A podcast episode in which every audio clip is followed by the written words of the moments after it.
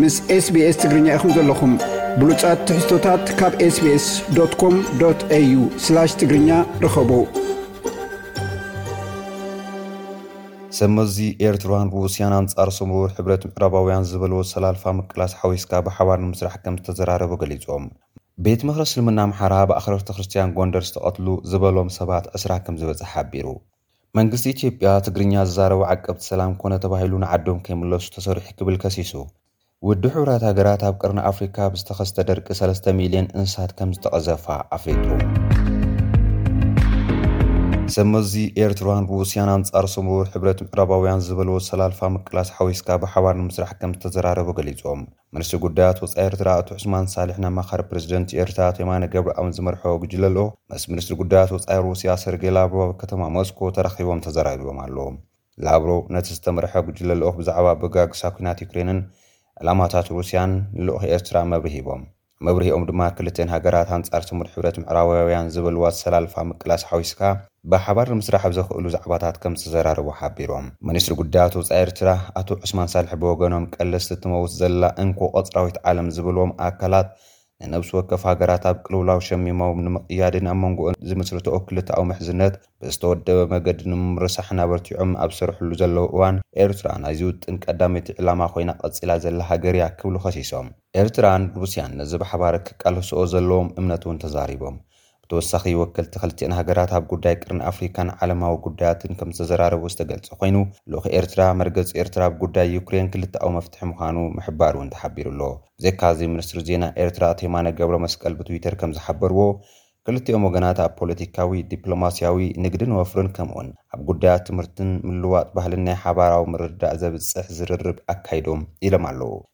ብመጋቢት ክልተ ሽሕን ዕስራን ክልተን ኣብ ዝተውሃበ ወራር ሩስያ ንዩክሬን ዝኹንን ውሳኔ ውሕብራት ሃገራት፣ ኤርትራ እታ እንኮ ንሩስያ ዝደገፈት ኣፍሪካዊት ሃገር ምንባራ ዝዝከር'ዩ። ኣብ ኲናት ዩክሬን ኣንጻር ሩስያ ዝቖመት ኣሜሪካ ብወገና ንኤርትራ ሓዊስካ ነተን ብድምጸ ተኣቅቦን ደገፍን ሩስያ ዝተደናገጻ ሃገራት ኣፍሪካ ዘጠንቅቕ መግለጺ ከምዘውጽኣት ይፍለጥ። መንግስታት ሩስያን ኤርትራን ግዳያት ማዕቕብ ኣሜሪካን ኤውሮፓን ክኾኑ ከም ዝጸንሑ እውን ኣይዝንጋዕን'ዩ። ቤት ምኽሪ እስልምና ኣምሓራ ብኣኽረርቲ ክርስትያን ጎንደር ዝተቐትሉ ዝበሎም ሰባት ዕስራ ከም ዝበጽሕ ሓቢሩ። ኢትዮጵያ ትማሊ ይኹን ሎሚ ከምኡ'ውን ቀጻሊ ናይ ዝተፈላለዩ ሃይማኖታት፣ ብሄራትን ህዝብታትን መንበሪት ሃገር'ያ ዝበለ መግለጺ ላዕለዋይ ቤት ምኽሪ ጉዳያት እስልምና ክልል ኣምሓራ፣ ኣብ ቀረባ እዋን ግና ኣብቲ ክልል መስጊድ ዘፍረዮ ሃብቲ ዘሚቶም ንምብታን ዝደልዩ ኣካላት ንዝጸንሐ ባህሊ ምክብባርን ምትሕልላይን ይጎድእዎ ኣለዉ ክብል ወቒሱ።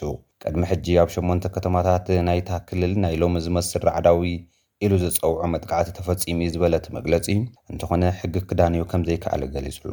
ብቕድሚ ትማሊ ብሰሉስ ዓሰርተ ሸሞንተ ሚያዝያ ክልተ ሽሕን ዓሰርተ ኣርባዕተን ዓመተ ምህረት ግእዝ'ውን ናይዚ መቐጸልታ ብመንግስቲ ዝድገፉ ዝተዓጥቁ ኣኽረርቲ ክርስትያን ዝበሎም ኣካላት ብናይ ሓባርን ናይ ውልቅን ኣጽዋር ከቢድ መጥቃዕቲ ከም ዝፈጸሙ ገሊጹ። በቲ መጥቃዕቲ ህይወት ልዕሊ ዕስራ ሰባት ከም ዝሓለፈ፣ ኣካል ከም ዝጎደለ፣ መስጊድን ንብረት ሰዓብቲ ሃይማኖት እስልምናን ከም ዝተዘምተን ከም ዝዓነወን ዝሕብር እቲ መግለጺ፣ ምምሕዳር ናይታ ከተማ ዘይሻራዊ ኣካል ኣትዩ ከየጻሪ ከም ዝኸልከለ'ውን ገሊጹ'ሎ። ክልላዊ ማዕኸን ዜና ኣምሓራ'ውን ነቲ ፍጻመ ብዕሽሽታ ምሕላፉ ከም ዘሕዘኖ ሓቢሩ። መንግስቲ ፌደራልን ክልልን ከምዚኦም ዝበሉ መጥቃዕትታት ጠጠው ከብሉ ገበነኛታት እውን ክሓቱ እውን ተማሕፂኑ። መንግስቲ ክልል ኣምሓራ በቶም ዝሞቱ፣ ኣካሎም ዝጎደለ ሰባትን ንብረት ዝዓነዎምን ከምዝሓዘነ ብምግላፅ፣ ንስድራ ግዳያት ፅንዓት ከምዝተመነየን ነቲ ገበን ብምፍፃምን ብምትሕብባርን ዝጥርጠሩ ኣካላት ናብ ሕጊ ንምቕራብ ይሰርሕ ከምዘሎን ምፅብፃብና ይዝከር እዩ። ኣብ ስነ-ስርዓት ቀብሪ ነባራይ ከተማ ጎንደር ዝኾኑ ሼኽ ከማል ለጋስ ንመቓብሩ ዝኸውን እምኒ ኣብ ምልዓል ዝተወልዐ ጎንፂ ልዕሊ ዕስራ ሰባት ምቕታሎም ስዒቡ ኣብ ኣዲስ ኣበባ ሓዊስካ ኣብ ዝተፈላለዩ ከባብታት ኢትዮጵያ ዝርከቡ ዝበዝሑ ሰዓብቲ ሃይማኖት እስልምና ዝኾኑ ሰባት ሰልፊ ተቓውሞ ከካይዱ ቀንዮም እዮም። መንግስቲ ኢትዮጵያ ትግርኛ ዝዛረቡ ዓቀብቲ ሰላም ኮነ ተባሂሉ ንዓዶም ከይምለሱ ተሰሪሑ ክብል ከሲሱ። ኣብዚ ሰሙን ንክልቲኤን ሱዳን ኣብ ዘሰሓሕብ ግዝኣት ኣብየ ተዋፊሮም ዝነበሩ ልዕሊ ሓሙሽተ ሚእቲ ተጋሩ ናብ ኢትዮጵያ ኣይንምለስን ብምባል ከም ዝተረፉ ይዝከር። ሚኒስትሪ ምክልኻል ኢትዮጵያ ኣብ ዝተደሪኹ ዘውፀኦ መግለፂ እቶም ኣብ ዓቃቢ ሰላም ተዋፊሮም ዝፀንሑ ተጋሩ ክኹብልሉ ዝገበረ ህወሓት እዩ ክብል ከሲሱ ኣሎ። ህወሓት ኣብ ልዕሊ እዚ ሰሜን መጥቃዕቲ ፈፂሙ እንከሎ መንግስቲ ኢትዮጵያ ግና ንዕውትነት እቲ ወፍርን ሓድሕዳዊ ምጥፍፋእ ከየጋጥምን ብዝብል ካብ ላዕለዎት ኣዘዝቲ ክሳብ ታሕቲ ዘለዉ ተጋሩ መሃይኦም ከይተቋረፀ ኣብ ቤቶም ክዕቀቡ ገይርና ኢና ኢሉ ኣሎ። ቅድሚ መጥቃዕቲ እዚ ሰሜን ኣብ ልኡኽቶም ዕቃብ ሰላም ዝነበሩ ተጋሩ ግን ፀገም ኣይፈጥሩን ኢልና ኣሚንና ኣብ ልኡኽትኦም ክፀንሑ ገይርና እንከለና ሕጂ ግን ብኦቢሎም ክተርፉ ክኢሎም ኣለው ኢሉ። ኣብ ቀረባ እዋን ኣብ ሱዳን ዝነበሩ ሓሙሽተ ሚእቲ ዝኾኑ ተጋሩ ዓቀብቲ ሰላም ናይ ድሕነት ስግኣት ኣለና ብምባል ንዓዶም ከይተመልሱ ብኦቢሎም ዕቑባ ከምዝሓተቱ ዝፍለጥ እዩ።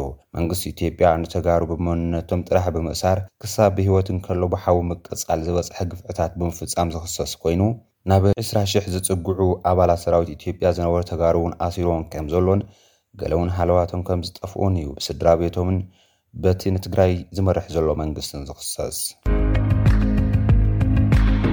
ውድብ ሕቡራት ሃገራት ኣብ ቀርኒ ኣፍሪካ ኣብ ዝተኸስተ ደርቂ ሰለስተ ሚልየን እንስሳት ከም ዝተቐዘፋ ኣፍሊጡ። ኣብ ዞባ ንዘሎ ደርቂ ንምክልኻል ኣብ ጄኔቫ ብዝነበሮ መደብ ምትእኽኻብ ሓገዝ ሓደ ነጥቢ ሰለስተ ትሽዓተ ቢልዮን ዶላር ከምዘዋህለለ እውን ሓቢሩ።